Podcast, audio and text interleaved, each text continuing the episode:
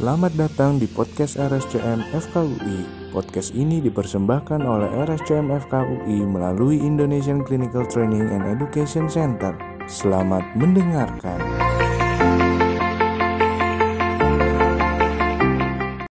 Assalamualaikum warahmatullahi wabarakatuh.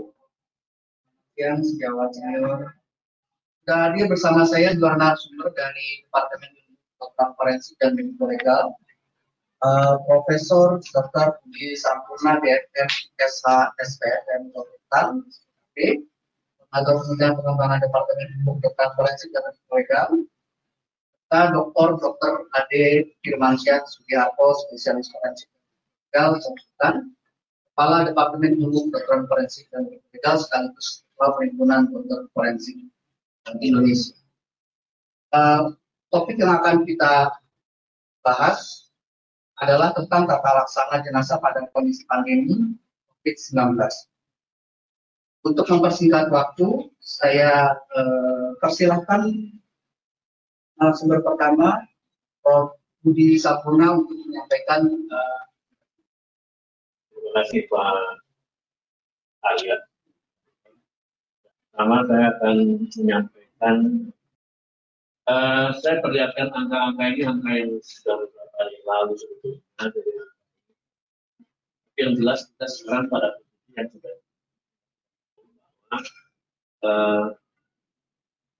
kejadian COVID-19 ini hebat dan di Indonesia juga sudah mengalaminya dan oleh karena itu kita sekarang pada posisi uh, melakukan penanggulangan yang melakukan pencegahan pada uh, penularan. Dan juga sedemikian rupa sehingga kita tujuan akhirnya mempercepat uh, uh, saya ingin memperlihatkan undang-undang yang mengatur tentang waktu. Menular di bab 5 menyebutkan bahwa upaya penanggulangan pasal menyebutkan bahwa upaya penanggulangan wabah wabah meliputi salah satunya penanganan jenazah akibat. Dan kita bisa melihat di penjelasannya bahwa yang dimaksud dengan ini adalah semua jenazah yang kematiannya disebabkan oleh penyakit menimbulkan wabah yang dapat menimbulkan harus dilakukan secara khusus penyakitnya tanpa meninggalkan norma agama serta harkatnya. Di dalam pasal tujuhnya diatur bahwa pengelolaan bahan-bahan yang mengandung penyebab penyakit dan dapat menimbulkan Di pasal 13, barang siapa mengelola bahan-bahan yang mengandung dan dapat mengubah wajib mematuhi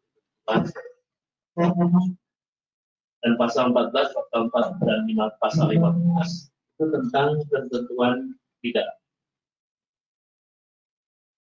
Uh, ada memang penuntutan pidananya, tapi hanya saya perlihatkan di sini bahwa ancamannya kalau sudah melakukannya diancam dengan satu tahun.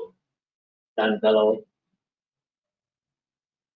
lalai maka ancamannya menjadi kalau tentang menghalangi pelaksanaan penanggulangan waktu. Sedangkan kalau sengajanya tadi mengelola secara benar keadaan yang diatur, ya, maka ancamannya menjadi 10 tahun. Dan kalau lalai, kita lupakan dulu pidana. Kita bicara tentang uh, bagaimana seharusnya kita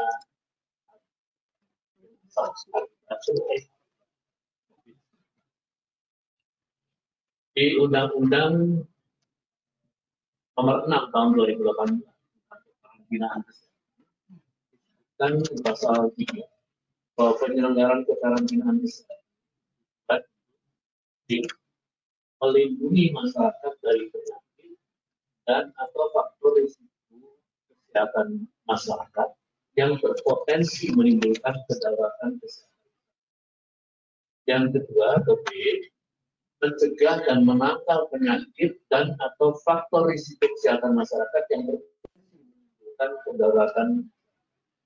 Jadi terlihat di sini bahwa tujuan utamanya adalah kesehatan masyarakat. Sehingga sifatnya dan sifatnya adalah untuk uh, melindungi masyarakat dari penyakit atau mencegah dan menangkal penyakitnya tadi. Nanti kita lihat dalam praktik di putih-putih lanjutannya ya. Di pasal 35 sebutkan salah satunya misalnya tentang kendaraan. Setiap kendaraan darat yang di dalamnya terdapat orang hidup atau mati yang diduga penyakit terjangkit, artinya ter, terkena penyakit tersebut, dia harus berada di dalam status karantina.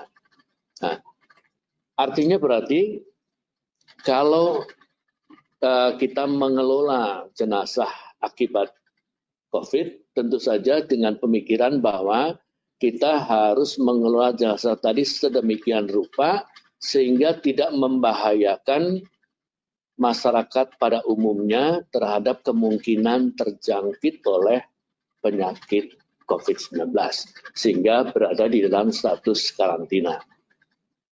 Nah, pasal 93 mengatakan setiap orang yang tidak mematuhi penyelenggaraan kekarantinaan kesehatan sebagaimana dimaksud pada pasal 9 ayat 1 dan atau menghalang-halangi penyelenggaraan kekarantinaan kesehatan sehingga menyebabkan kedaruratan kesehatan masyarakat dipidana dengan pidana penjara paling lama satu tahun dan atau pidana denda paling banyak 100 juta rupiah.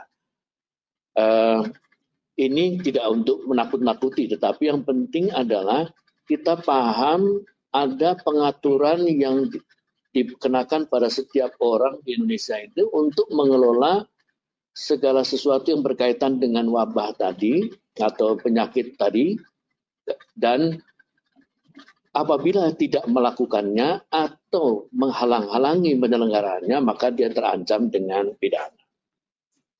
Nah, uh, selanjutnya memang uh, pasal uh, undang-undang ini kemudian nanti akan ada PP-nya, tetapi yang akan kita lihatkan di sini adalah bagaimana pengaturan tentang uh, pengelolaan jenazah tadi.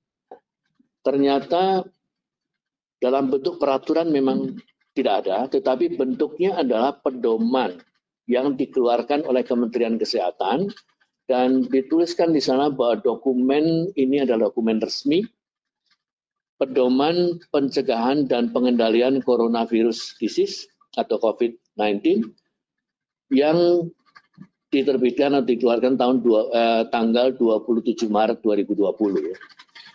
Poin-poinnya di sini salah satu yang yang menurut kita itu paling penting di sana di dalam eh, bab tentang pengelolaan jenazah yaitu bahwa petugas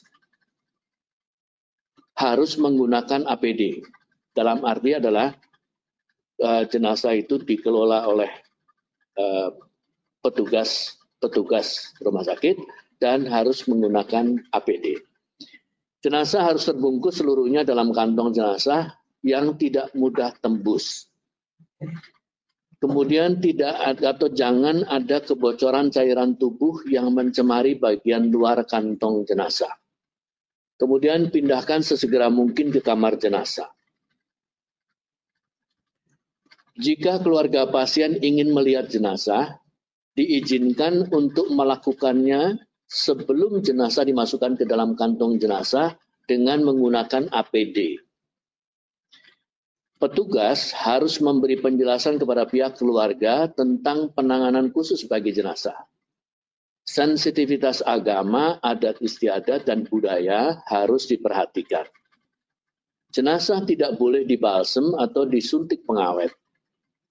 Jenazah yang sudah dibungkus tidak boleh dibuka lagi. Jenazah hendaknya diantar dengan mobil jenazah khusus. Jenazah sebaiknya tidak lebih dari empat jam disemayamkan di pemulasaraan jenazah. Sedangkan di dalam protokol pengurusan jenazah pasien COVID-19 yang diterbitkan oleh Kementerian Agama agama, di sana dituliskan dalam pengurusan jenazah bahwa pengurusan jenazah pasien COVID-19 dilakukan oleh petugas kesehatan baik rumah sakit yang telah eh, sorry ke, petugas kesehatan pihak rumah sakit yang telah ditetapkan oleh Kementerian Kesehatan. Jenazah pasien COVID-19 ditutup dengan kain kafan atau bahan dari plastik, tidak dapat tembus air. Dapat juga jenazah ditutup dengan bahan kayu atau bahan lain yang tidak mudah tercemar. Jenazah yang sudah dibungkus tidak boleh dibuka lagi, kecuali dalam keadaan mendesak seperti otopsi dan hanya dapat dilakukan oleh petugas. Jenazah disemayamkan tidak lebih dari 4 jam. Pada waktu bicara tentang sholat jenazah diatur bahwa untuk pelaksanaan sholat jenazah dilakukan di rumah sakit rujukan. Jika tidak, sholat jenazah bisa dilakukan di masjid yang sudah dilakukan proses pemeriksaan sanitasi secara menyeluruh dan melakukan dis disinfektasi setelah sholat jenazah. Sholat jenazah dilakukan segera mungkin dengan mempertimbangkan waktu yang telah ditentukan yaitu tidak lebih dari 4 jam. Sholat jenazah dapat dilaksanakan sekalipun oleh satu orang. Kemudian tentang penguburan jenazah, lokasi penguburan harus berjarak setidaknya 50 meter dari sumber air tanah yang digunakan untuk minum dan berjarak setidaknya 500 meter dari pemukiman terdekat. Jenazah harus dikubur pada kedalaman 1,5 meter, lalu ditutup dengan tanah setinggi 1 meter. Setelah semua prosedur jenazah dilaksanakan dengan baik, maka pihak keluarga dapat turut dalam penguburan jenazah. Ini adalah uh, panduan penata laksanaan jenazah di rumah sakit yang disusun oleh Perhimpunan Dokter Forensik Indonesia nanti akan disampaikan oleh Dr. Adi Firmansyah. Nah, isu pentingnya dari sisi hukum adalah yang pertama harus ada penjelasan tentang perlakuan khusus ini kepada keluarga jenazah tadi. Yang kedua, harus dilakukan oleh artinya pengelolaan jenazah tadi harus dilakukan oleh petugas dengan APD dan tetap menjaga jarak. Yang ketiga harus segera dibersihkan dan dimandikan artinya jenazahnya dikafani bila dia muslim, dan dibungkus dengan plastik atau kain yang tidak tembus air, dan kemudian tidak boleh dibuka lagi. Sebaiknya disemayamkan tidak lebih dari empat jam. Pelayat harus menjaga jarak dan harus memakai APD, dan diharapkan hanya sebentar saja. Bila muslim atau muslimah, maka disolatkan sesuai ketentuan yang di, dibuat atau diatur di dalam fatwa MUI. Kemudian jenazah dikuburkan di kuburan yang minimum 50 meter dari sumber air tanah yang menjadi air minum dan minimum 500 meter dari pemukiman. Nah, penjelasan ini kemudian kita jelaskan bahwa yang pertama tentang penjelasan kepada keluarga. Tujuannya adalah perlindungan kesehatan masyarakat dan pencegahan penularan penyakit jadi bukan pada individu-individu atau kasus demi kasus, tetapi pencegahan penularan penyakit dari seluruhnya untuk kepentingan perlindungan kesehatan masyarakat. Yang kedua, penjelasan ten diberikan tentang bahaya atau risiko penularan penyakit, terutama melalui cairan tubuh atau kontak dengan pelayat yang lain. Yang ketiga, apa yang akan dilakukan terhadap jenazah itu diuraikan dan apa yang harus dilakukan oleh keluarga atau pelayat Misalnya saja tetap menggunakan masker, menjaga jarak, dan seterusnya, termasuk cuci tangan, eh, etika berbatuk atau bersin, dan seterusnya. Itu harus dikerjakan. Kemudian kenapa harus petugas yang melakukannya? Sekali lagi, tujuannya adalah untuk perlindungan kesehatan masyarakat dan pencegahan penularan penyakit. Petugas pun harus memakai APD dan selalu menjaga jarak. Disinfeksi peralatan dan fasilitas lain harus dikerjakan baik sebelum maupun sesudah. Jenazah dibersihkan, ditutup lubang-lubangnya dan dilakukan disinfeksi. Kemudian dianjurkan juga untuk memanipulasi atau melakukan tindakan-tindakan terhadap jenazah tadi seminimal mungkin sehingga tidak mengakibatkan keluarnya cairan dari tubuh tadi. Kemudian dibungkus dengan kain dan atau plastik yang tidak tembus air. Kemudian kenapa waktunya harus dibatasi? Tujuannya sekali lagi perlindungan kesehatan masyarakat dan pencegahan penularan penyakit. Virus pada umumnya masih dapat hidup beberapa saat di benda mati. Di penelitian masih bisa ditemukan hingga 9 jam di tubuh mayat. Waktu di atas 4 jam biasanya mulai terjadi kerusakan sel sehingga virus dapat keluar ke ekstrasel sehingga bisa keluar bersama cairan tubuh sehingga tentu saja berbahaya menjadi penularan. Meskipun kita juga tahu bahwa virus yang di luar sel akan terdegradasi dengan cepat. Tetapi tetap kita harus mengatakan untuk kepentingan pencegahan penularan penyakit, maka kita harus perhatikan betul tentang waktu uh, uh, yang di yang dibolehkan gitu. Seberapa jauh keterlibatan keluarga atau kerabat tentu saja sangat bergantung pada kebijakan rumah sakit dan pemerintah daerah setempat. Tetapi pada umumnya keluarga sebaiknya tidak boleh memandikan, mengafani, memberi pakaian, membungkus kain, plastik dan tidak dan seterusnya tadi. Oleh karena mereka umumnya tidak memiliki atau tidak menggunakan pakaian uh, atau pelindung uh, eh, APD tadi ya. Yang ketiga, keluarga atau kerabat tadi boleh melayat, tetapi dibatasi jumlahnya. Oleh karena itu kita harus mengatur uh, jaraknya tadi. Begitu juga pada sholat jenazah, sepanjang mematuhi aturan pencegahan penularan. Ya, ada APD, jaga jarak, pembatasan waktu, dan sebagainya. Kemudian boleh nggak turut dalam penguburan? Tentu saja boleh, tadi sudah disebutkan juga di dalam, dalam pedoman, tetapi setelah mas, uh, jenazah masuk ke dalamnya dan jagalah jarak, cukup jarak-jarak jauh cukup untuk bisa melihat uh, peristiwa atau prosesnya. Nah ini adalah contoh bagaimana WHO mengaturnya. Di sana disebutkan bahwa uh, pekerja kesehatan, petugas kesehatan di uh, kamar jenazah yang akan melakukan tadi dan mereka harus menggunakan APD sesuai dengan standarnya. Kalau ada keluarga yang ingin melihat uh, jenazah, maka dia tidak boleh me memegangnya dan harus tetap memperhatikan standar precautionnya. Jadi uh, kehati-hatian yang tinggi dan menggunakan tentu APD tentu dalam hal ini dalam uh, standar precaution tadi ya berikan dengan jelas apa yang hal yang boleh dikerjakan dan apa yang tidak boleh dikerjakan oleh keluarga sehingga mereka tahu bahwa dia itu nanti pada waktu berada di dekat dengan jenazah maka dia harus menjaga jarak, tidak boleh memegang dan seterusnya.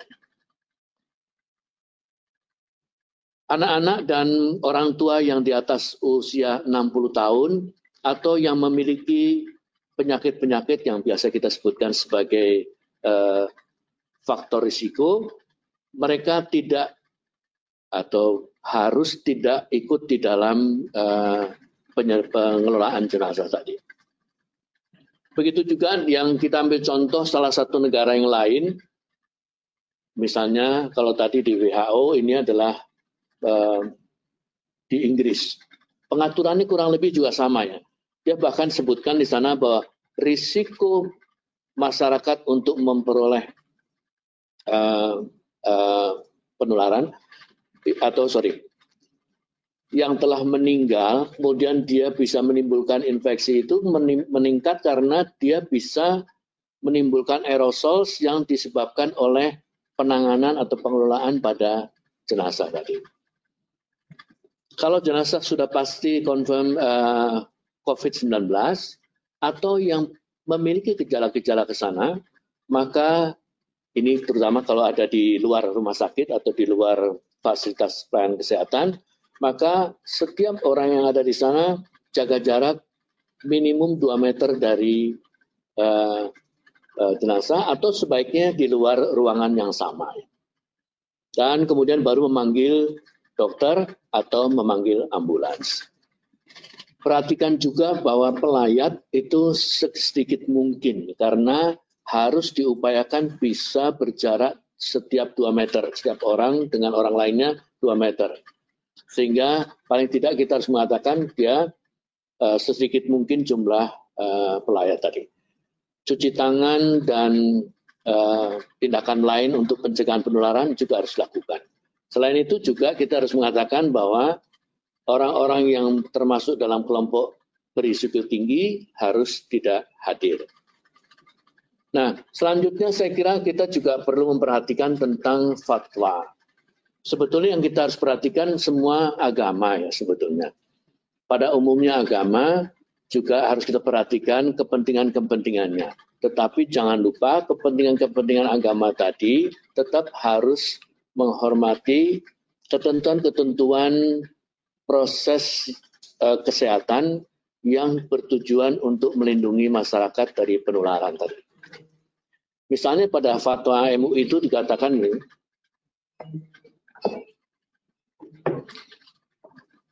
umat Islam yang wafat karena wabah COVID dalam pandangan syara itu termasuk kategori sahid akhirat dan hak-hak jenazahnya wajib dipenuhi, yaitu dimandikan, dikafani, disolati, dan dikuburkan yang pelaksanaannya wajib menjaga keselamatan petugas dengan mematuhi ketentuan-ketentuan protokol medis. Jadi fatwa MUI, jadi yang betul yang beragama Islam bisa melihat ini, tetap harus menjaga keselamatan petugas dan mematuhi ketentuan-ketentuan protokol medis. Dan selanjutnya Anda bisa melihat tentang pedoman memandikan. Uh, saya tidak akan membacakannya karena ini fatwa MUI, ada bagusnya nanti uh, anda baca sendiri si fatwa MU itu dan kalau perlu nanti suatu saat kita akan ketemu lagi dengan menghadirkan uh, atau saya kira sudah pernah ada uh, pejabat di fatwa MUI itu sudah menjelaskannya kepada uh, media massa ya, bagaimana cara tata caranya. Pedoman memandikan, kemudian nanti ada pedoman tentang mengafani, pedoman menyolatkan, dan pedoman menguburkan. Bagi Bapak Ibu sekalian yang ingin nanti mendalami ini, bisa membaca sendiri, tapi boleh saja nanti kalau perlu mendiskusikannya, kita diskusikan di sini. Nah, catatan akhir saya adalah bahwa penanganan jenazah COVID-19 itu telah diatur dalam pedoman-pedoman yang diterbitkan oleh WHO, Kementerian Kesehatan, Kementerian Agama, dan bahkan juga dari di fatwa MUI. Pemerintah daerah juga umumnya membuat pedoman yang sesuai dengan kekhasan lokalnya tadi. Khusus bagi para dokter spesialis forensik dapat mengacu kepada panduan PDFI. PDFI adalah Perhimpunan Dokter Forensik Indonesia yang lebih rinci, termasuk bagaimana melakukan uh, uh, detail tentang uh, penanganan pengelolaan jenazah, baik pengelolaan pada pemulasaraan maupun pada waktu melakukan otopsi. Itu jelas di, uh, di dalam pedoman tadi. Demikian yang bisa saya sampaikan dan mudah-mudahan nanti bisa uh, terjadi diskusi dengan lebih baik. Assalamualaikum warahmatullahi wabarakatuh. Terima kasih banyak Prof untuk presentasinya. Selanjutnya eh, saya eh, berikan kesempatan kepada Dr. Dr. Ade Firmansyah Sugiarto untuk memaparkan eh, presentasinya. Silakan Dr. Baik. Terima kasih. Assalamualaikum warahmatullahi wabarakatuh. Selamat siang uh, para dokter, tenaga kesehatan maupun masyarakat umum di mana pun anda berada. Bagi tata laksana jenazah ini memang menimbulkan beberapa bagi yang kurang memahami atau yang belum memahami dengan baik me, me, memberikan suatu nuansa yang berbeda karena banyak pertanyaan terkait apakah masih bisa menularkan dari jenazah dan apa yang harus kami lakukan, dan kenapa kok jenazah pada kondisi pandemi COVID seperti ini, baik itu yang meninggal dengan suspek ya, PDP, ataupun yang konfirmasi, kenapa harus dilakukan uh, tata laksana pembungkusan dan lain sebagainya. Baik ini kita melihat juga beberapa data perkembangan COVID yang meningkat jumlahnya per hari masuk juga muncul di koran Kompas tentang kita harus bersiap terhadap kemungkinan terburuk. Dan hal ini pun juga ternyata telah menimbulkan peningkatan dari jumlah pemakaman yang pelayanan pemakaman di DKI Jakarta yang hanya bulan Maret sendiri ternyata sudah mencapai 4.377 pemakaman. Oke. Jenazah seseorang yang setelah meninggal tentu mengalami perubahan-perubahan, ya, bahwa perubahan dini lanjut dan termasuk terjadinya kematian seluler. Uh, banyak memang kita mengetahui bahwa uh, virus adalah organisme yang obligat intrasel. Artinya kalau selnya masih hidup maka virus itu hidup. Namun juga kita lihat juga bahwa ternyata virus corona ini ya setelah uh, berada di beberapa media pun ternyata memiliki pertahanan yang sangat beragam. Ada yang mulai dari paling kita lihat paling kecil adalah dua jam hingga yang sampai paling lama bisa sampai berhari-hari sampai 4-5 hari.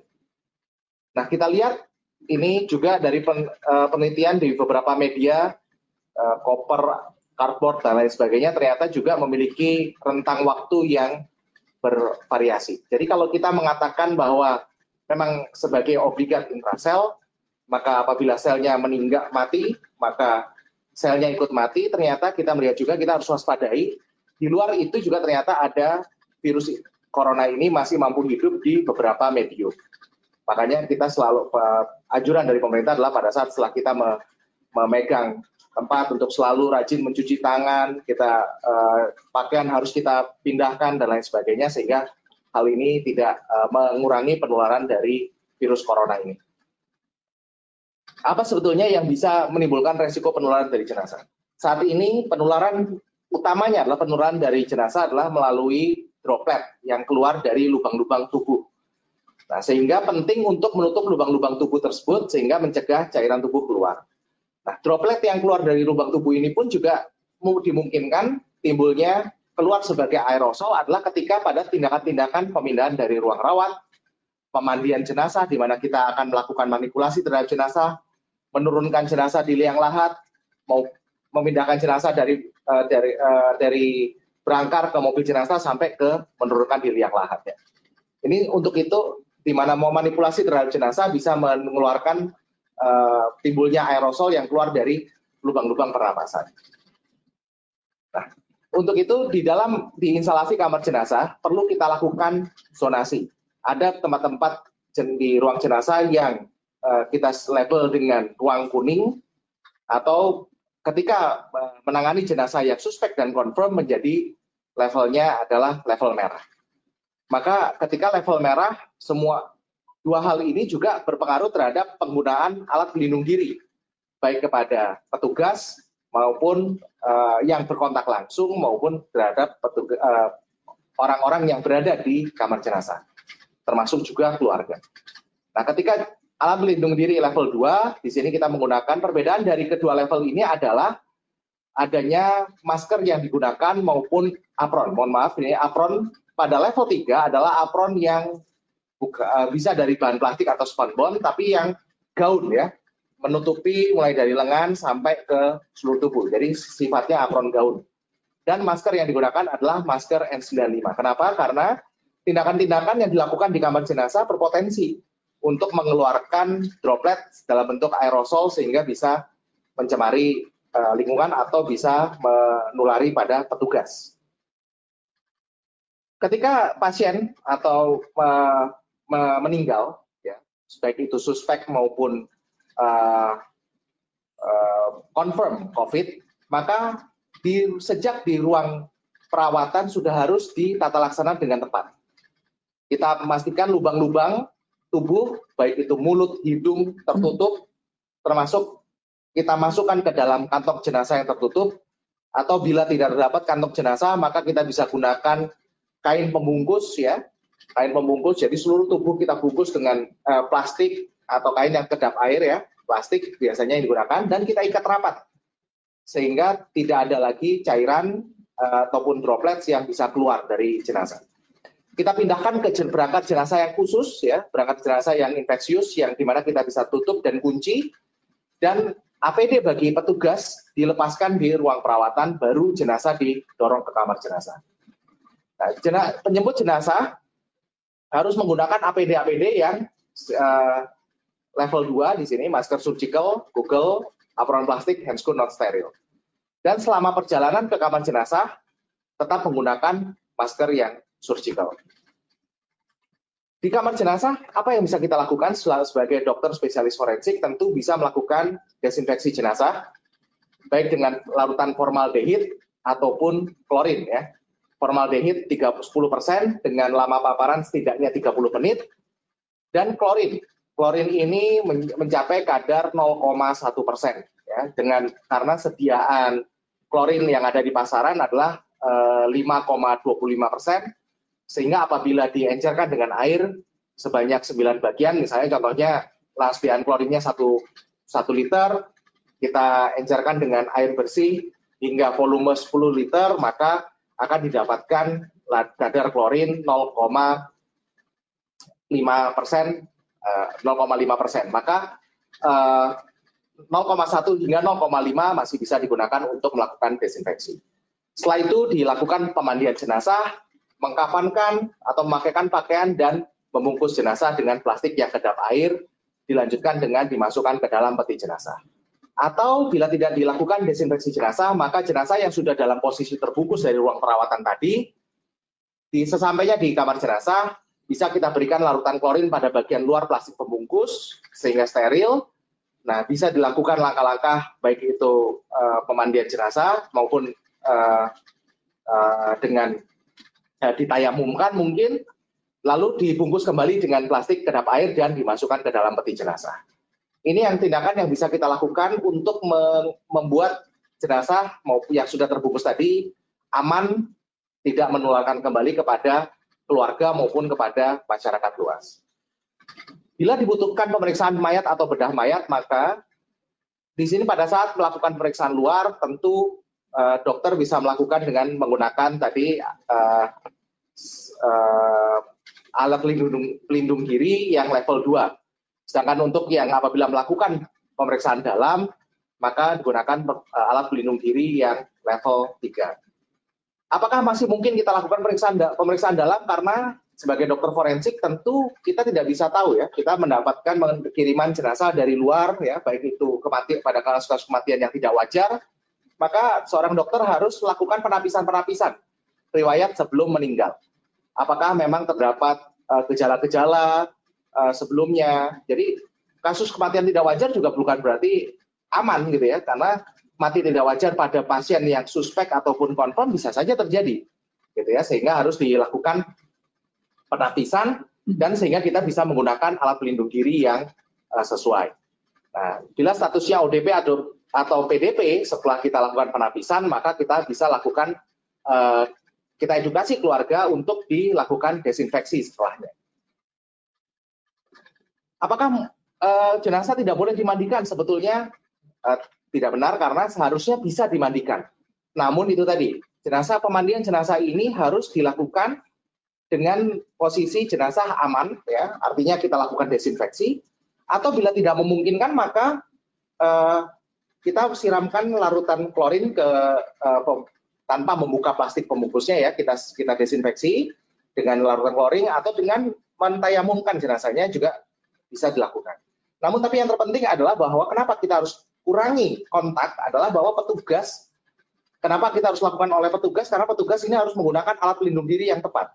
Langkah-langkah baik itu penggunaan, pelepasan maupun me, uh, me, me, menata laksana cairan maupun uh, alat pelindung diri yang limbah padat maupun cair itu harus dilakukan dengan tata laksana yang benar. Sehingga makanya uh, pemandian jenazah ini pada yang suspek maupun yang confirm harus dilakukan di rumah sakit. Karena tadi limbah yang telah dikeluarkan dari yang hasil dari pemandian jenazah ini maupun pembuangan alat pelindung diri juga bisa ditata laksana dengan baik. Setelah tadi dimasukkan dibungkus dengan plastik, kalau misalnya ada kantong mayat yang kedap air, maka bisa kita masukkan ke kantong mayat. Setelah itu terakhir tetap kita masukkan ke dalam peti jenazah. Standarnya peti jenazah ini memang harus uh, peti jenazah yang kedap ya, yang tidak bisa keluar air dari sana. Namun karena kita tahu sendiri kita kualitas dari peti jenazah ini kita uh, tidak selamanya kita bisa yakin bahwa peti jenazah 100% gedap, maka peti jenazah pun tetap harus kita bungkus kembali dengan bahan plastik. Dan sebelum masuk ke dalam mobil jenazah, kita desinfeksi kembali. Sehingga aman dan uh, untuk layanan kedukaan selanjutnya maka bisa dilakukan di rumah sakit rujukan, ya dapat dilakukan di masjid atau sholat jenazah dapat dilakukan sekalipun oleh satu orang. Nah, sehingga tidak disarankan lagi disemayamkan di rumah. Sebaiknya dari rumah sakit masuk ke mobil jenazah bisa langsung ke tempat pemakaman umum. Untuk transportasi jenazah, maka supir mobil jenazah yang membawa jenazah PDP maupun konfirmasi tetap menggunakan APD berupa masker bedah dan dapat ditransportasikan ke tempat pemakaman umum. Namun tentu ini ada ada aturan dari uh, Kemenkes maupun dari uh, Pemda DKI tidak keluar masuk pelabuhan, bandar udara atau pos lintas batas negara, darat negara ini yang uh, muncul. Sehingga kenapa? Maka pemakaman ini pun diatur oleh pemerintah. Harus dimakamkan di ada syarat-syaratnya. Dan tadi karena mobil jenazah yang berasal dari daerah yang terjangkit keluar masuk ke dalam suatu pos, suatu definisi kekarantinaan, maka e, pemerintah daerah sudah harus menetapkan TPU-TPU yang digunakan khusus untuk pemakaman jenazah baik itu suspek maupun COVID dengan syarat-syarat yang sudah ditetapkan oleh pemerintah. Nah, setelah semua prosedur jenazah dilaksanakan dengan baik, maka sebetulnya keluarga dapat turut dalam penguburan jenazah. Namun tetap kita lakukan dengan uh, memperhatikan peraturan-peraturan tentang sosial maupun physical distancing ya. Dan ini memastikan bahwa penguburan ataupun misalnya nanti dikremasi juga dilakukan tanpa membuka kembali peti jenazah peti jenazah bisa diposisikan ya. Misalnya kalau muslim maka harus uh, miring, maka sebetulnya peti jenazah bisa diposisikan miring atau pada saat dimasukkan ke dalam peti jenazah, jenazah itu bisa diposisikan dengan kondisi sudah miring sehingga tinggal dimasukkan saja. Penguburan ini juga bisa dilaksanakan di tempat-tempat pemakaman umum sesuai syarat-syarat TPU. Dan uh, sebetulnya uh, ketika kondisi ini sudah kita tata laksana dengan baik, maka petugas di TPU pun juga sebetulnya sudah tidak perlu khawatir lagi ya dengan menggunakan eh, APD yaitu uh, masker atau uh, handscoon sudah bisa membantu pemakaman.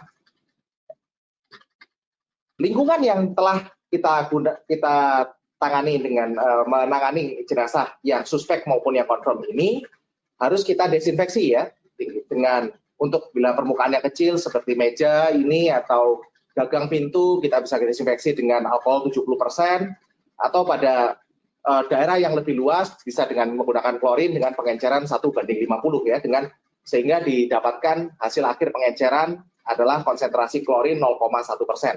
Sedangkan pada jenazah tadi 1 banding 9 sehingga hasil akhir klorin adalah kadar 0,5 persen.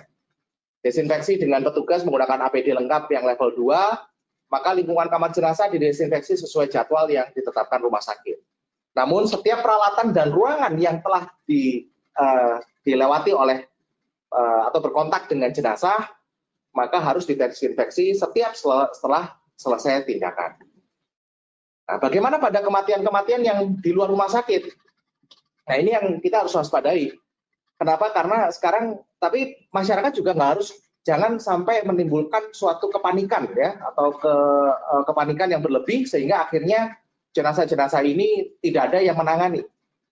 Karena sebetulnya kita harus tapis bahwa penyak, jenazah yang meninggal akibat penyakit lainnya ya, yang non COVID ya, itu bisa di Pulasara ataupun di uh, tata laksana seperti biasa, di, dimandikan misalnya di masjid atau di rumah tapi tentunya perlu menjalankan kewaspadaan untuk physical distancing agar uh, dari uh, orang ke orang tidak uh, tidak terlalu dekat ya ada jarak dan lain sebagainya.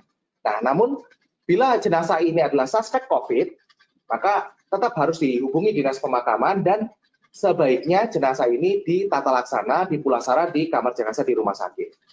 Ya. Bagaimana kita uh, tahu ini suspek atau tidak, maka tentunya setiap jenazah sesuai aturan harus akan diperiksa oleh petugas pemeriksa jenazah yang berasal dari puskesmas.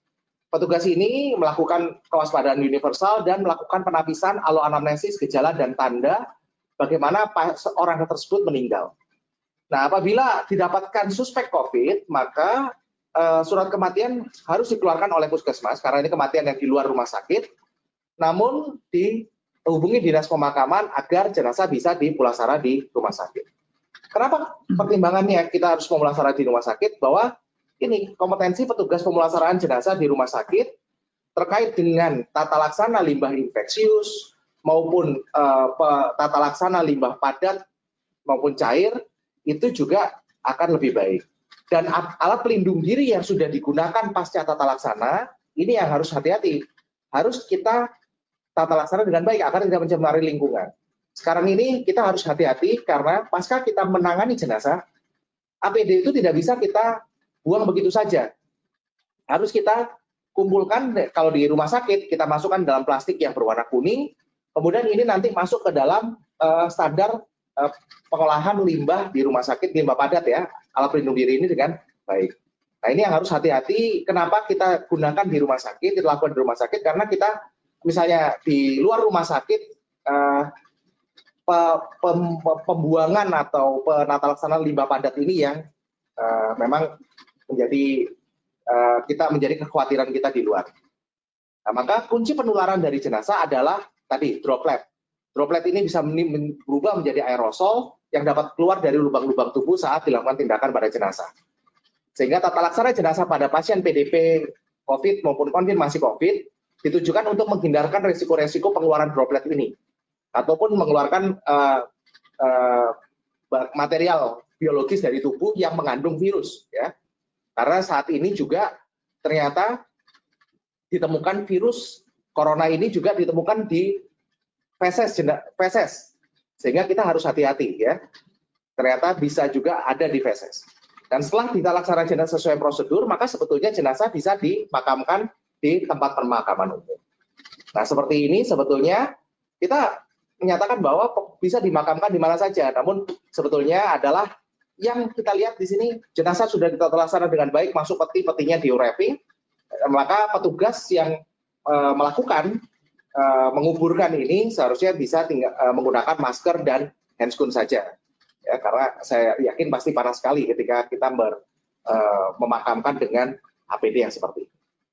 Itu saja yang bisa saya sampaikan pada kesempatan siang hari ini. Nanti kita bisa lakukan diskusi yang baik untuk bisa menata laksana atau menjawab kekhawatiran-kekhawatiran yang ada di masyarakat tentang tata laksana jenazah pada pasien yang suspek maupun yang confirm COVID.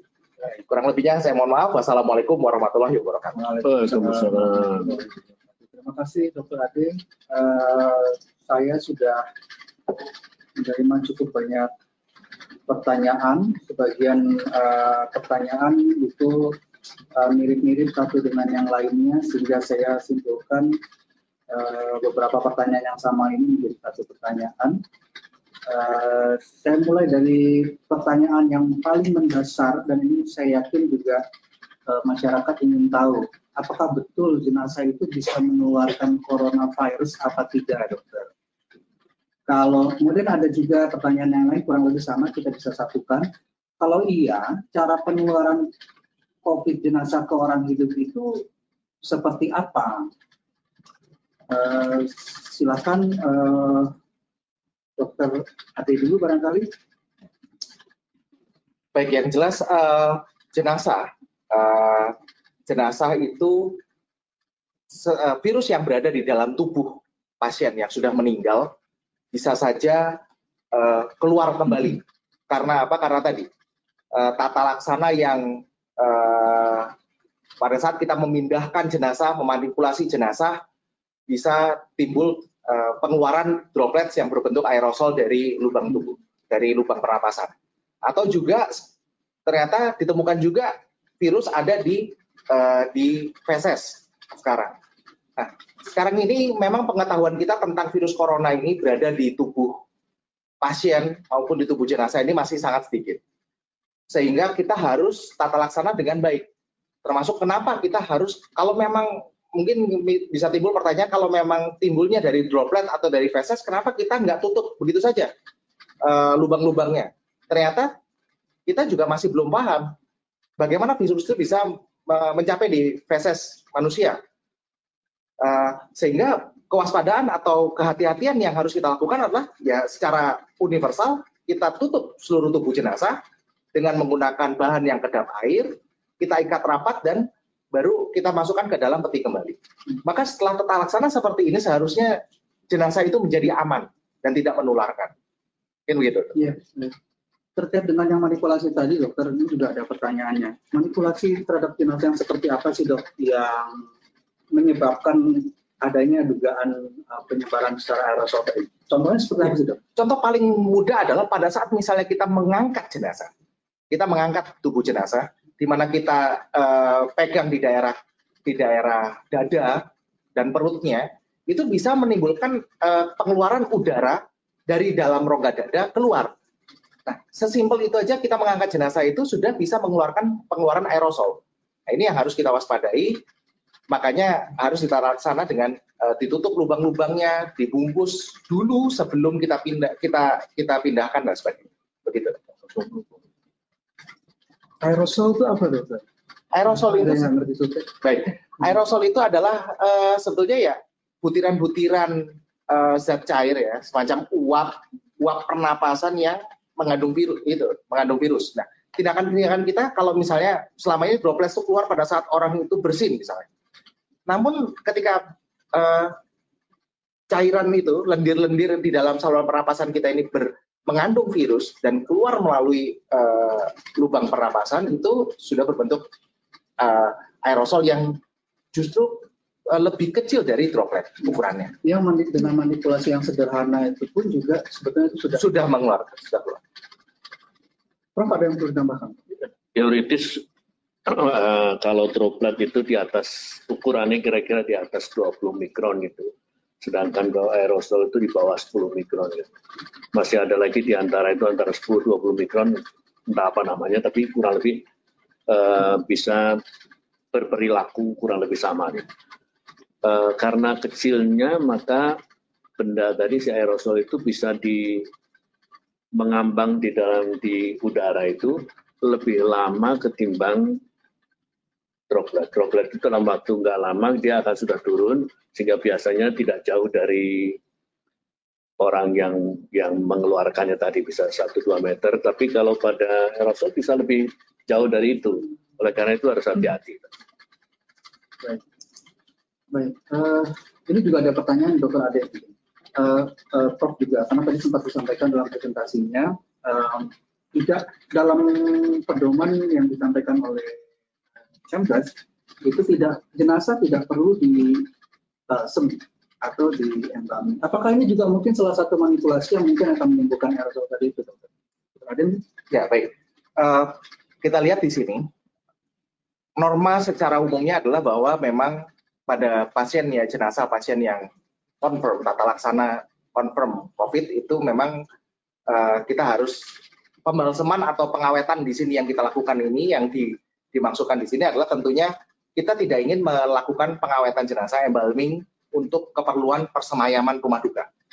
Eh, karena persemayaman ini yang memang bisa menimbulkan resiko di mana eh, orang-orang itu berkumpul ya, berkumpul eh, bermelayat ke, ke itu untuk menyampaikan bela sungkawa kepada eh, keluarga. Namun eh, tindakan eh, penyuntikan formalin maupun eh, klorin yang kita berikan kepada kepada jenazah ini tujuannya adalah untuk melakukan desinfeksi.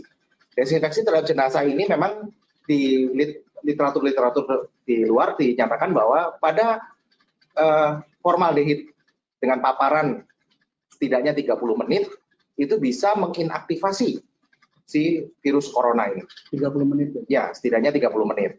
Nah, sedangkan dengan klorin seperti halnya kita gunakan pada eh, desinfeksi pada eh, bila terdapat tumpahan cairan tubuh, maka klorin dengan kadar 0,5 persen itu juga bisa digunakan untuk meng- eh, mematikan atau menginaktivasi dari si virus ini. Sehingga dengan tindakan itu, maka eh, jenazah ini sudah aman untuk kita tata laksana berikutnya oleh petugas yang eh, terlatih tadi. Tapi tentunya yang perlu kita waspadai adalah apakah terus setelah itu keluarga boleh mengguna, eh, me- ikut memandikan misalnya. Tentunya kita tidak melarang ya, tidak melarang. Tapi selama adalah bahwa apa? Eh, kewaspadaan universal itu harus dipahami dengan benar. Baik itu dari cara penggunaan APD, memandikan, maupun hingga melepas alat pelindung dirinya. Sekarang kita yang harus hati-hati adalah itu tadi, melepas alat pelindung diri yang telah berkontak dengan uh, pasien ataupun jenazah, itu yang harus kita waspadai. Cara melepasnya, cara me, me, uh, membuangnya itu juga harus uh, harus dipahami dilakukan dengan benar. Karena itulah memang jadinya uh, rekomendasinya adalah harus dilakukan oleh petugas yang memang sudah terlatih. Begitu. Ini terkait sama tadi karena disinggung tentang desinfektan untuk proses desinfeksi jika memang diperlukan uh, terhadap beberapa situasi. Ini ada pertanyaan Dr. Ade dari uh, terkait keterbatasan. Jadi, uh, Assalamualaikum dokter, mohon konsultasi di daerah kami, klorin, sodium hipochlorite itu sudah langka. Mohon advice untuk dekontaminasi jenazah ini bagaimana dokter? Bisa nggak pakai kaporit, kalsium hipochlorite? Iya, terima kasih. Sama ya, terima kasih. Ya, kalsium hipoklorit, natrium hipoklorit, uh, yang terpenting adalah kita cari kloritnya tadi. Ya, klorit dengan dengan kadar yang uh, diencerkan hingga konsentrasi 0,5 persen tadi. Jadi sama saja. Ya. Sekarang banyak sediaan-sediaan itu di di pasaran ya. Uh, natrium ada juga sebetulnya uh, uh, untuk mendesinfeksi lingkungan kita gunakan dengan uh, ada berapa ada literatur yang menunjukkan ada benzalkonium klorida dan lain sebagainya. Namun untuk jenazah kita uh, dari perhimpunan dokter forensik me, uh, memberikan dua itu tadi pilihan formaldehid ataupun dengan uh, klorin.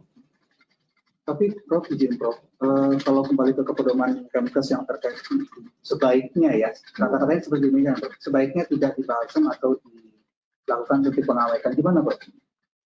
Uh, itu WHO memang anjurannya seperti itu dan saya kira nggak hanya WHO, beberapa negara yang mengeluarkannya termasuk CDC juga mengatakan hal yang sama sebenarnya. Tetapi ada juga yang kemudian mengatakan di terakhir-terakhir itu ada yang mengatakan bahwa uh, pembalseman asal dilakukan oleh pihak yang yang apa namanya yang kompeten menggunakan peralatan perangkat yang bagus maka itu masih bisa ditolerir. Jadi uh, artinya sebetulnya sederhananya begini. Kalau kita membuat peraturan maka peraturan itu harus kita yakini mampu dipahami dan diterapkan oleh semua orang. Karena kalau tidak, maka orang bisa mengartikannya beda-beda masing-masing orang. Misalnya kita mengatakan bahwa boleh dilakukan embalming, tetapi dengan cara dia harus melakukan gini, gini, gini, gini. Belum tentu orang membaca atau mendengar seluruh kalimat lengkap. Maka dia akan mendengar satu aja, oh boleh. Orang-orang berarti kita boleh melakukan embalming. Atau kita mengatakan bahwa seperti sekarang ini, sebetulnya orang hanya perlu pakai masker kalau dia sakit karena dia takut bisa menularkan pada orang lain. Orang yang sehat nggak perlu pakai masker. Tapi sekarang ternyata terbukti bahwa enggak, dua-duanya harus pakai. Artinya pada waktu awal kita mengatakan beda dengan yang sekarang. Nah, kita harus paham bahwa untuk kepentingan kesehatan masyarakat, maka kita ambil peraturan yang paling aman itu yang kita pakai. Karena kalau kita menggunakan peraturan yang pendek atau kita memberikan peluang untuk melakukan apa-apa-apa, padahal peluang-peluang itu sulit, maka ini akan bisa membahayakan. Saya kira di dalam praktek kita sehari-hari sudah kita lakukan nih. Kita harus anu, uh, physical distancing. Apa ya kita harus menggunakan 2 meter tadi? tidak semua orang sakit kan sebetulnya. Kalau kita orang sehat sama sehat bagaimana? Sekali lagi, untuk kepentingan pencegahan, kita nggak tahu orang demi orang itu berpenyakit apa enggak, dia akan memberikan droplet apa enggak, dan seterusnya, maka atur aja yang paling aman buat semua orang, yaitu semua melakukan distancing. Begitu juga kita semua pakai masker. Gitu. Itulah kira-kira yang harus kita pahami bahwa di dalam pengaturan tentang pencegahan, maka kita harus menggunakan yang terbaik. Ya, atas nama pencegahan juga, terima kasih Prof. Atas nama pencegahan juga, rekomendasi yang dikeluarkan oleh perhimpunan uh, terkait tata kelola, tata kelola jenazah itu juga berlaku tidak hanya uh, jenazah yang confirm ya. uh, COVID ya Prof ya, betul, Ade, betul. tapi juga PDP yang uh, yang belum terkonfirmasi karena katanya banyak sekali tes-tes swab dan lain sebagainya itu yang belum keluar hasilnya, tapi pasien uh, uh, keburu meninggal dunia. Nah, itu juga mungkin termasuk ya dokter Ade. Ya, betul juga dokter Aryan. Uh, kita melihatnya begini, pada kondisi uh, jenazah ya, kita di kamar jenazah atau di instalasi forensik tentunya kita memperoleh uh, status itu dari uh, ruangan ya, dari dokter yang merawat. Dokter yang merawat sudah sampai dengan uh, list penyebab kematian maupun dengan kondisi keterangan apakah ini PDP, suspek COVID dan lain sebagainya. Di, karena karena kenapa? Karena kita di forensik tentunya tidak lagi memeriksa gejala dan tanda tadi. Sudah bentuknya jenazah, jenazah kan. Nah, di sini yang perlu kita lakukan adalah kita harus edukasi pada keluarga bahwa memang ada tata laksana terhadap yang suspek maupun yang confirm itu ada tata laksana yang khusus sehingga ini membutuhkan uh, edukasi bahwa pasien keluarga harus mengerti tentang hal ini. Tadi bahwa bagaimana cara pemandiannya, apakah akan dilakukan desinfeksi atau tidak, kemudian langsung apakah langsung dibungkus dan kenapa harus masuk peti, kenapa petinya tidak boleh dibuka dan sebagainya. Itu yang harus dipahami oleh keluarga. Dan memang sangat dianjurkan ketika dari rumah sakit sudah tidak lagi mampir ke mana-mana. Dari rumah sakit adalah langsung menuju ke TPU. Nah itu yang hal ini yang kenapa sehingga sekarang uh, jumlah jumlah layanan pemakaman juga meningkat gitu ya ya karena kita juga kewaspadaan yang kehati-hatian yang universal tadi itu harus kita kedepankan ya jadi memang jadi kami mengingin, uh, mengingatkan seluruh masyarakat juga agar tetap uh, memahami situasi kondisi pandemi. Sehingga pada saat misalnya oh kan masih PDP belum confirm kenapa harus ditaruh seperti itu? Nah memang uh, uh, kita aspek kewaspadaan atau kehati-hatian itu yang justru kita utamakan.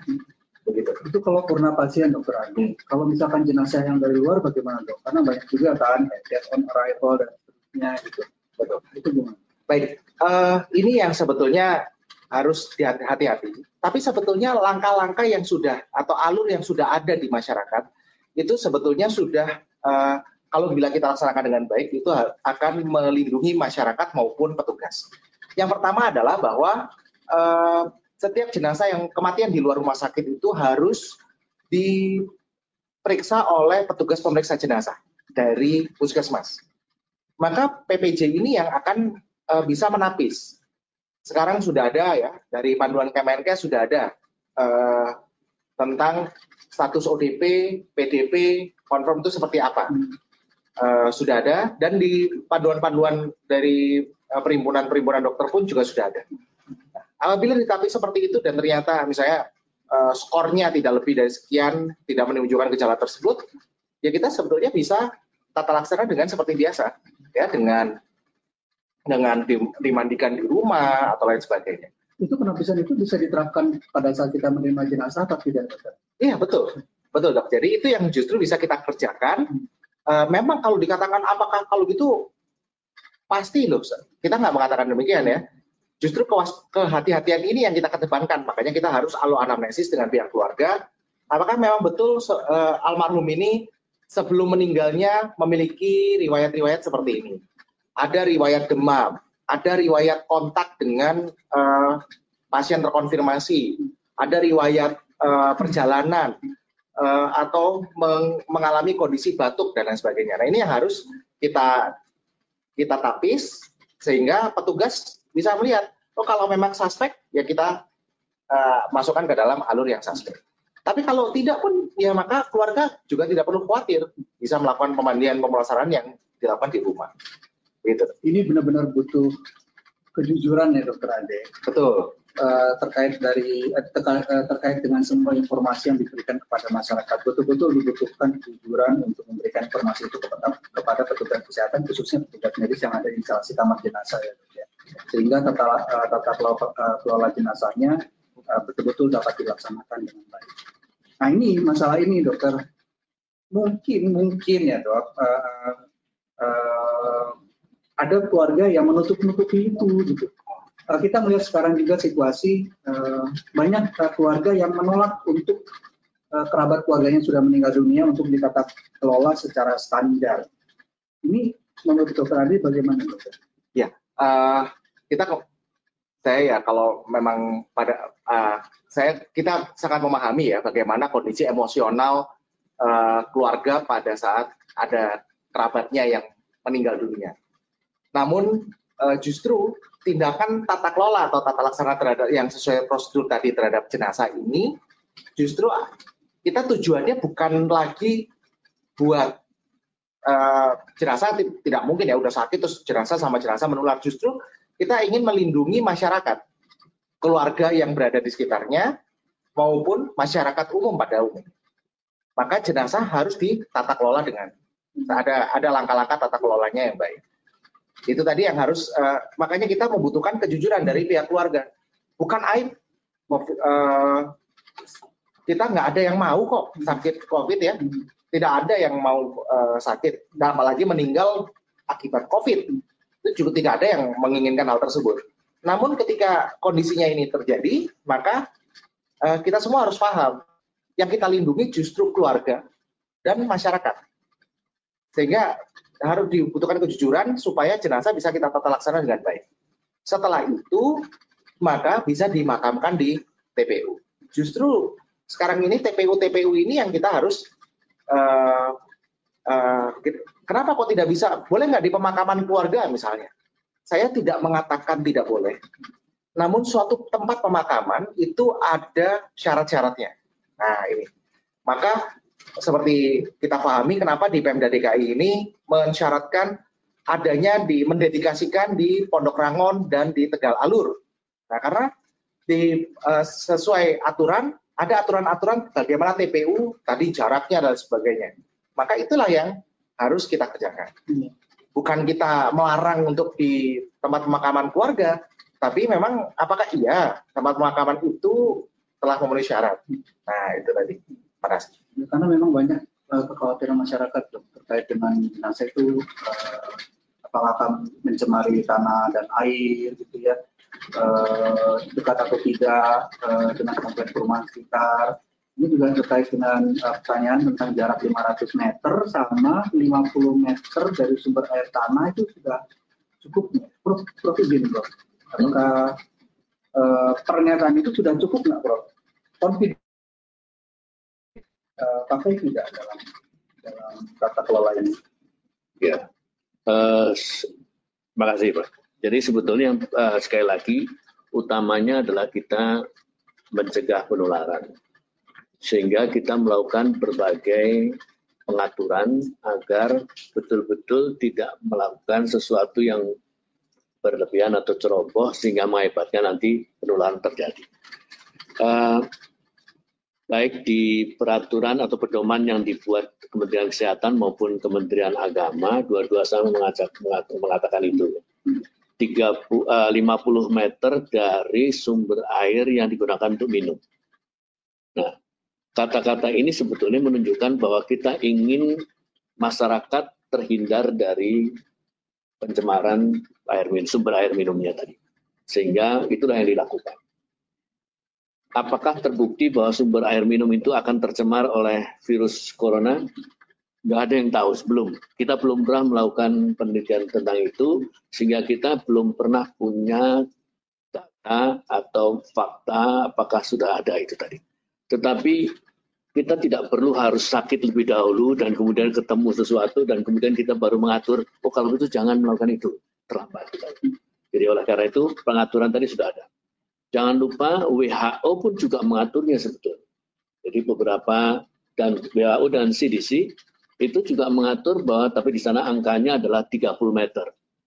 Tapi persoalannya adalah 30 atau 50 meter itu sangat bergantung pada jenis tanahnya, iklimnya, dan seterusnya. Karena bagaimana cara atau transportasi di dalam tanah itu, air seperti apa, itu sangat berpengaruh uh, berapa meter yang dibutuhkan itu. Jadi saya kira yang penting buat kita adalah tugas kita adalah mencegah penularan. Maka itu yang harus kita kerjakan. Jadi bahwa angka angkanya yang kita pakai 50 meter, barangkali pemikirannya adalah di Indonesia ini curah hujan tinggi, maka kemungkinan terjadinya uh, transmisi di, di bawah itu, di bawah tanah itu bisa lebih jauh, maka mungkin kemudian diambil 50 meter. Tapi yang jelas saya tidak tahu bagaimana uh, uh, seharusnya menghitungnya seperti apa. Atau kemudian kita bisa mengatakan, bukankah kita sudah uh, perlakukan jenazahnya dengan baik dan seterusnya tadi sesuai dengan peraturan, apa yang masih akan menularkan tadi? Sekali lagi, tidak ada fakta atau data yang bagus yang kita bisa pakai untuk mengatakan evidence begini. Itu belum ada. Tapi daripada kita salah, maka buatlah dibuat peraturan seperti sekarang ini. Seandainya saja kita bisa punya alat yang mengatakan bahwa jenazah itu setelah selesai di, uh, di Pulasara atau di Kelola tadi, terus ada alatnya melihat apakah masih ada nggak virus di dalamnya. Maka kita bisa mengatakan, oh ini aman sudah, sudah bisa diperlakukan dengan mudah, nggak ada, nggak usah ada takut segala macam. Tetapi sampai saat ini kita nggak punya alat seperti itu dan kita juga paham bahwa di dalam keilmuan kita mengatakan sel atau virus itu ada di dalam sel dan sel itu jumlahnya miliaran dan kalau dia sel itu kemudian rusak mati ternyata tidak tidak sama, tidak semua sel matinya pada waktu yang sama dan pada waktu dia mati itu beda-beda gitu. Nah, yang mana yang paling terakhir matinya itu kita nggak tahu juga gitu. Oleh karena itu kita harus mengatakan ya sepanjang mungkin yang kita bisa kelola itulah yang kita katakan bahwa sebaiknya sampai sekian gitu tadi. Nah, itulah barangkali yang perlu kita pahami juga. Terima kasih. Ada ada yang sedikit saya ingin tambahkan uh, menambahkan juga uh, dari keterangan Prof tadi bahwa memang kenapa kita harus bungkus dan sebagainya ya. Kalau dikatakan apakah ketika selnya mati maka terjadi kematian seluler, virus juga akan ikut mati. Bisa ya, tapi juga ternyata virus itu juga masih bisa hidup di uh, materi-material yang non Oh, mungkin bukan hidup ya. Saya katakan adalah infeksius ya. Bertahan sehingga masih infeksius di material-material yang non biologis di permukaan eh, meja di bahan aluminium dan lain sebagainya. Maka dengan kondisi kita melakukan eh, perlindungan bagi jenazah tadi ya kita sudah setelah kita eh, bungkus dengan plastik atau kantong mayat kita masukkan lagi ke peti petinya setelah itu kita wrapping lagi baru kita makamkan maka harapan kita adalah pada saat nanti jenazah ini mengalami uh, uh, uh, pembusukan, terjadinya kematian seluler, dan setelah sekian waktu itu jenazah masih berada di dalam plastik dan peti itu tadi. Setelah itu baru dengan berjalannya waktu kita harapkan setelah nanti misalnya petinya petinya pasti akan hancur juga kan tentunya plastik atau apa pun pasti akan hancur juga. Maka ketika itu semua hancur dan larut dengan tanah, kondisinya sudah aman gitu loh. Jadi sudah tidak ada lagi. Jadi dengan berjalannya waktu harapan kita ketika jenazah berada di dalam ini sudah tidak lagi mencemari. Uh, karena kita tahu kalau misalnya kita makamkan seperti biasa itu kan akan per, per, apa, per, uh, pembusukan atau hancurnya jenazah ini akan cepat ya karena langsung bersentuhan dengan tanah. Tapi ketika kita masukkan peti, petinya kita wrapping, jenazah pun juga kita kita bungkus dengan plastik atau mungkin kita masukkan ke kantong mayat, maka harapannya ketika dia berjalannya waktu jenazahnya uh, terjadi kematian seluler, virusnya mati, virus yang ada di plastik atau pembungkusnya juga udah ikut mati, baru uh, bercampur dengan lingkungan sehingga aman untuk masyarakat juga.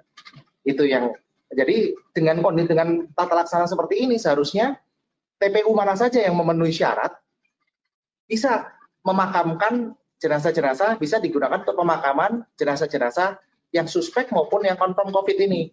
Asal tadi ya ada tentunya uh, memenuhi syarat-syarat yang sudah ditetapkan oleh pemerintah. Uh, saya kembali ke Prof dulu sedikit pertanyaan, hmm. pertanyaan terkait dengan penolakan uh, uh, tata laksana jenazah suspek maupun confirm COVID ini dari masyarakat, dari keluarga, dari kerabat si almarhum atau almarhumah. Ini ada beberapa pertanyaan saya rangkum langsung. Ada dampak hukum juga ada uh, sanksi nggak untuk uh, keluarga almarhum atau almarhumah yang melakukan penolakan-penolakan tersebut? Penolakan untuk untuk uh, tata laksana atau tata kelola jenazah sesuai dengan standar prosedur yang sudah direkomendasikan, bahkan termasuk juga uh, uh, uh, ke pemakaman. Ada beberapa situasi yang saat ini uh, beredar, Prof. Itu ada beberapa pertanyaan. Kalau nolak tuh ada dampak hukumnya apa enggak sih, dok? Ya, Prof? Ya. Tadi di slide saya saya sudah kemukakan tentang undang-undang nomor 4 tahun 84 tentang wabah penyakit menular. Di sana di dalam pasal 14 itu mengatakan bahwa barang siapa dengan sengaja menghalangi pelaksanaan penanggulangan wabah sebagaimana diatur dalam undang-undang ini diancam dengan pidana penjara selama-lamanya satu tahun dan atau denda setinggi-tingginya satu juta rupiah. Jadi, itu sudah ada. Jadi, ada Jadi sebetulnya ada.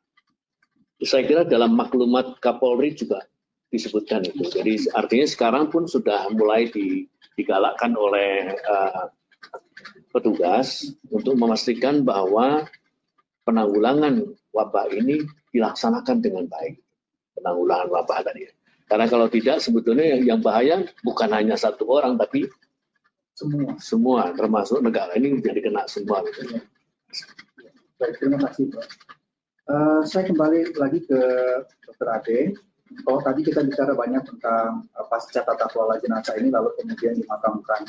Ada satu pertanyaan dok, kalau di kremasi dok, itu uh, boleh nggak itu pertanyaan pertanyaan pertamanya? Boleh apa enggak? Mungkin ini dikaitkan juga apakah masih ada juga tadi satu pertanyaan virusnya masih nyebar nggak kalau sudah dikremasi? Oh, baik terima kasih. Apalagi ya uh, kremasi ya kremasi kan pasti sampai menjadi abu gitu ya. Nah, yang jelas petugas yang memegang sih. Jadi tentunya tadi setelah di laksana di kamar jenazah sampai masuk peti dan petinya di wrapping dan dibawa mobil jenazah itu harus sesuai. Nah, ketika sebenarnya di, ketika di kremasi, di krematorium atau di TPU itu ya sebenarnya seperti sama aja dengan menggunakan APD, eh, masker dan handscoon. Kemudian di di kremasi, maka kalau udah dikremasi eh, tidak ada virus yang masih tahan dengan suhu yang gitu nggak oh, ada ya nggak udah sudah tuh material genetik jadi abu apalagi itu juga udah pasti ya jadi, mati. Jadi kalau misalkan suhu. ada ada ada budaya yang uh, apa itu larung ya? Abunya di larung. Di larung. Okay. Itu sudah aman ya, Dok ya? Aman. Sudah jadi abu. Maka si virusnya sudah mati pada saat dikremasi tadi. Oke, ini pertanyaan masih banyak nih, Dok. Uh,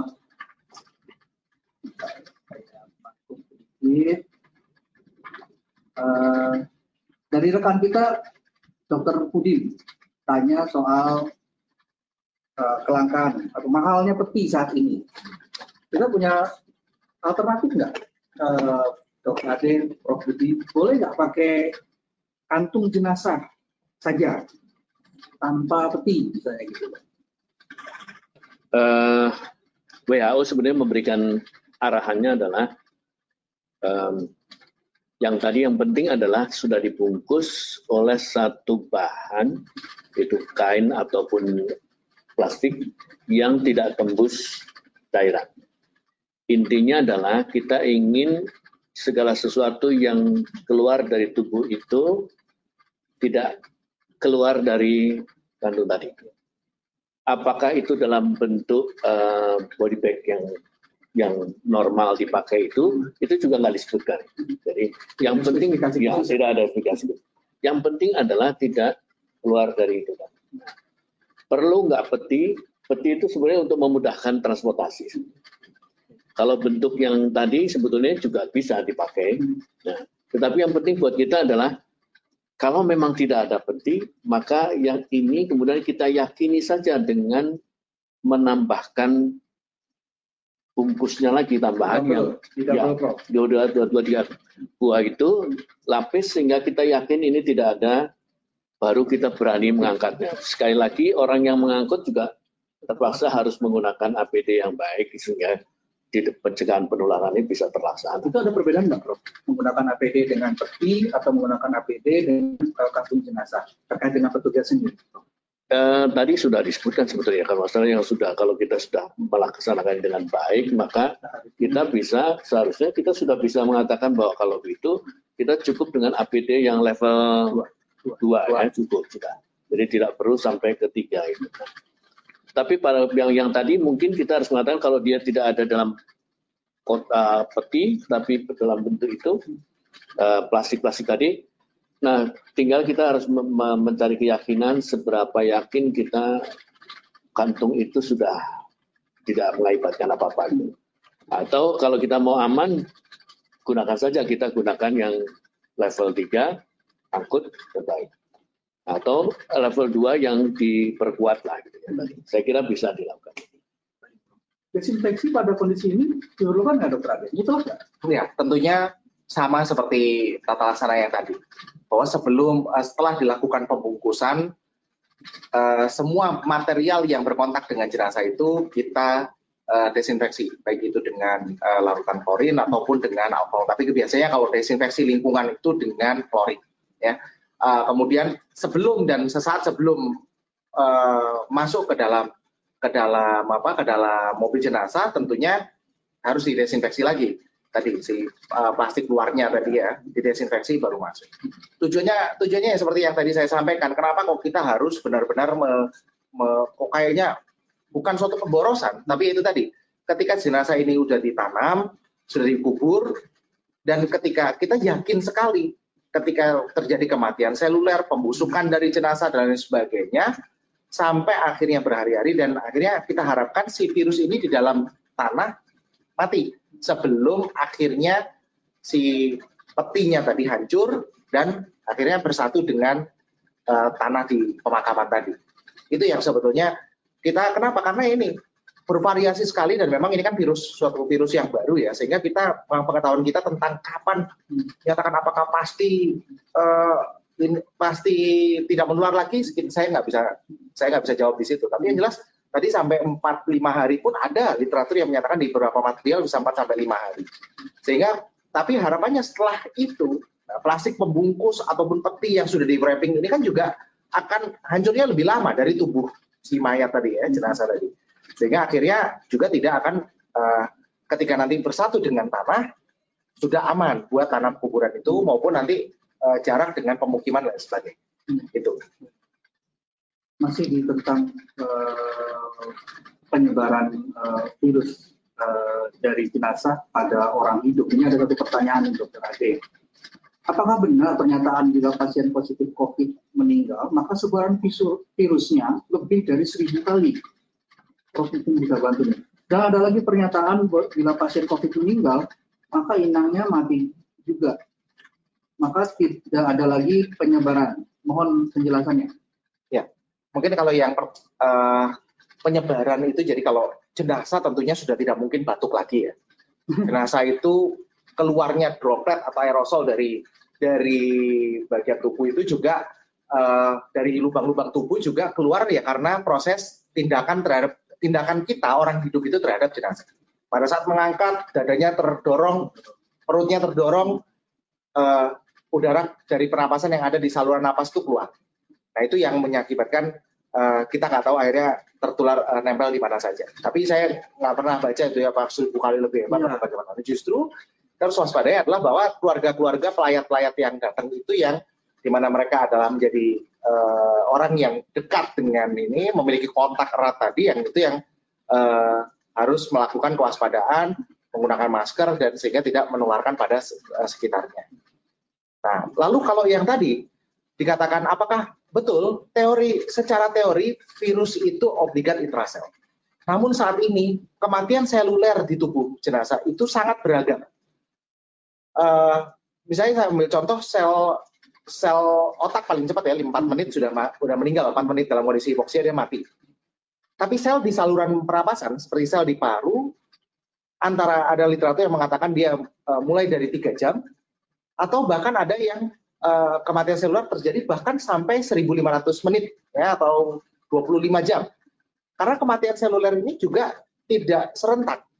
Ada uh, dia juga dipengaruhi beberapa hal, suhu lingkungan, kondisi tubuh jenazah dan lain sebagainya. Nah ini yang mengakibatkan kita nggak bisa pasti apakah kalau harus kita tunggu. Kalau gitu kalau misalnya saya katakan sel-sel di paru mati kematian seluler terjadi tiga jam sel paru. Saya nggak yakin juga 100% mati atau enggak terjadi kematian seluler. Sehingga aman. Ya, apa terus kalau misalnya oh 25 jam mati apa iya jenazah kita biarin setelah 25 jam biar busuk kan nggak mungkin juga nggak etis ya di situ. Jadi kita tata laksana. Tata laksananya bagaimana ya gitu tadi. Kita kita ambil kewaspadaan standar dan kita uh, kita tutup. Karena apa? Karena kita lihat sendiri uh, di uh, si virus ini sendiri juga masih bisa hidup di tubuh jenazah. Seperti beberapa uh, tesis uh, residen sebelumnya uh, dan yang dibimbing juga oleh Prof Budi menunjukkan bahwa virus itu sebagai contoh ini contohnya virus HIV ya. Virus HIV itu setelah hari ketiga pun masih infeksius di dalam sampai hari ketiga, uh, sampai hari ketiga HIV ya. Kalau corona saya nggak tahu, tapi yang jelas corona yang berada corona di di material yang non biologis, kayu, aluminium dan lain sebagainya juga masih bisa hidup di situ dan masih infeksius. Nah ini yang mengakibatkan kita juga harus waspada dan sehingga jenazah juga harus kita tata laksana seperti tadi. Kenapa kita bungkusnya sampai berdobel-dobel dan segala macamnya. Itu tadi. Dan saat ini juga patofisiologi si virus ini kita belum tahu dengan pasti. Apakah iya hanya di saluran pernapasan? Pasti ya, saluran pernapasan. Tapi ternyata ditemukan juga di feses. Nah, di bagian-bagian tubuh yang mana lagi yang kita ini kan kita saat ini juga tidak tahu, belum belum mendapatkan pengetahuan sana.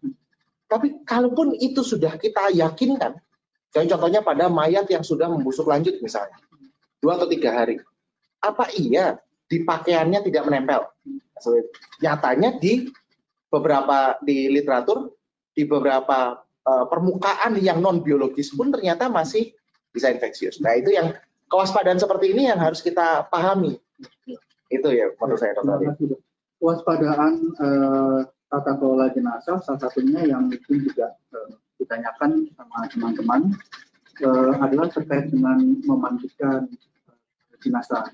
Ada beberapa pertanyaan, uh, Prof. Budi mungkin ini dikaitkan dengan fatwa yang ini yang tidak uh, uh, tidak ada.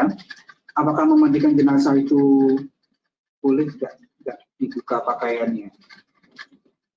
Uh, Kemudian untuk jenazah non muslim pun juga boleh nggak diperlakukan seperti itu. Jadi dimandiin tapi nggak dibuka pakaiannya gitu loh Pak. Um, Oke, okay. sebetulnya pertanyaan itu harusnya dijawab oleh ahli agama. Jadi kalau saya menjawab agak agak berbahaya salah ya. Tapi prinsip-prinsip yang tadi yang sudah kita kemukakan, bahkan di fatwa pun mengatakan bahwa diperlakukan sebagaimana sesuai dengan syariah, tapi tetap harus memperhatikan proses, uh, proses anu medisnya gitu. Jadi penanganan medisnya harus benar. Jadi kalau misalnya uh, di di fatwa itu sampai detail dia sebutkan misalnya memandikan itu hukumnya wajib. Dan itu wajib dibayang harus dikerjakan. Tetapi kemudian kalau dikatakan bahwa kalau itu tidak mungkin dilakukan memandikan dengan air, menyucikan seperti biasa itu, maka bisa dilakukan dengan cara yang lain. Jadi di sana ada urut-urutannya sedemikian rupa sehingga proses pemandian sampai paling ujung pun kita masih eh, atau sebelumnya kita sudah bisa membolehkan kalau tidak mau pakai air dia bisa pakai tayamum. Tayamum nggak bisa juga maka bisa di nggak pakai sama sekali. Jadi Jadi sangat bergantung pada situasi. Tayamum pun juga mungkin tidak gitu ya. ya. Kalau artinya sebenarnya keputusan di sana harus kalau bunyinya adalah kalau menurut pandangan ilmu kedokteran yang menurut ahli yang dapat dipercaya mengatakan seperti itu maka kita setuju dengan itu gitu loh. Jadi uh, saya kira fatwanya sudah sedemikian baik ya. Masih. Uh, masih ke Prof nih Prof, hmm. uh, ada satu pertanyaan tentang bagaimana kita menulis di surat keterangan kematian Prof uh, untuk PDP yang meninggal dunia. Itu uh, boleh nggak kita nulis terduga COVID? Gitu. Uh, kalau dikatakan boleh atau enggak sih, ya begitu memang diagnosa kita memang suspek. suspek. Nah masalahnya adalah apakah uh, kita bisa menunda dari waktu awal tentu saja kita mengatakan suspek. Tetapi kalau kita melakukan pemeriksaan, teorinya harusnya kan kita swab kemudian kita periksa. Kalau hasilnya kemudian datang, nah kita koreksi. Sebetulnya kan sudah bisa dilakukan seperti itu. Uh, um, tidak perlu kita harus mengatakan bahwa selama-lamanya akan bentuknya suspek itu. Tapi memang bisa juga ya, kalau pada suatu daerah yang tidak mungkin kita melakukan pelaminan swab dan kemudian melakukan informasi tadi ya di tempat lain. Maka ya apa boleh buat itulah yang bisa kita lakukan. Uh, kalau nanti saya kira kita harus mengajukan pertanyaan ini pada pemerintah nantinya apakah untuk kepentingan uh, registrasi cukup dengan suspek saja boleh karena kita menggunakan klinisnya. Jadi klinisnya harus klinisnya itu tadi dan kemudian kita perlakukan seperti itu. Tetapi kalau yang klinisnya tidak tidak meyakinkan, maka kita harus bertanya juga sama uh, ahlinya nanti, apakah kita gunakan codingnya adalah coding yang pneumonia yang umum ataukah bisa menggunakan itu. Ini saya, saya kira sangat bergantung pada kita nanti uh, uh, bagaimana mengkut membuat kriteria kodenya tadi. Saya kira itu mas. Tetapi kalau di departemen bagaimana? Tadi Departemen Ilmu Kedokteran Forensik dan Medical Legal terkait dengan penerbitan surat keterangan kematian. Ya, uh, kita surat keterangan kematian yang digunakan di forensik ini RCM kita gunakan yang standar uh, aturan dari uh, Pemda DKI ya. Uh, sehingga di bagian lembar pertama surat kematian itu hanya ada uh, penggolongan penyakit ya, penyakit atau gangguan maupun kecelakaan. Nah, tentunya di penggolongan penyakit atau gangguan ini kita golongkan adalah sebagai penyakit tentunya penyakit menular. Karena belum uh, ada uh, belum ada edarannya apakah kita akan golongkan sebagai penyakit menular khusus seperti halnya pada uh, HIV, avian influenza seperti SARS waktu itu dinyatakan sebagai penyakit menular khusus. Namun apa pun itu, uh, suspek ataupun confirm tentunya adalah suatu penyakit menular, gitu ya. Nah makanya itu akan dilingkari di bagian penyakit menular, penyakit menular. Nah nanti di dalam uh, administrasi kematiannya tentu uh, di dalam lembar uh, identifikasi penyakit kematian yang di di belakang peserta kode ICD-nya tentu penyakit-penyakit yang new emerging seperti ini, seperti kata Prof tadi, tentu perlu adanya pengkategorian yang khusus ya. Apakah bagaimana? Karena kita harus harus evaluasi. Setelah kita dapatkan pun kita evaluasi apakah dia uh, betul-betul mengakibatkan kematian atau ternyata penyakit-penyakit penyerta yang uh, mendahului ini komorbid-komorbid ini yang bisa mengakibatkan memperparah kondisi itu saya rasa nanti berikut berikutnya harus di, ditangani. Mungkin begitu. Oh, oke. Okay. Sebetulnya Dokter Ade, Prof. Budi masih banyak sekali pertanyaan-pertanyaan yang uh, hadir pada waktu webinar kita hari ini, tapi sayang sekali waktunya tidak cukup bisa menjawab uh, semua pertanyaan. Tapi mudah-mudahan ada beberapa pertanyaan yang sudah saya rangkum, sehingga seharusnya satu dua jawaban mudah-mudahan sudah bisa menjawab beberapa pertanyaan. Uh, barangkali bisa saya simpulkan untuk uh, uh, apa yang sedang menjadi diskusi kita uh, berdasarkan presentasi dari narasumber, kedua narasumber, uh, adalah bahwa undang-undang, pedoman dan fatwa secara garis besar telah mengatur semua kebutuhan pencegahan, pengendalian wabah, khususnya terkait pengelolaan jenazah pada kondisi pandemi COVID-19 pengelolaan jenazah pada masa pandemi COVID-19 dititik beratkan pada pencegahan penularan penyakit dan perlindungan bagi kesehatan masyarakat secara umum. Termasuk di dalamnya adalah petugas kesehatan yang terlibat langsung dalam pengelolaan jenazah.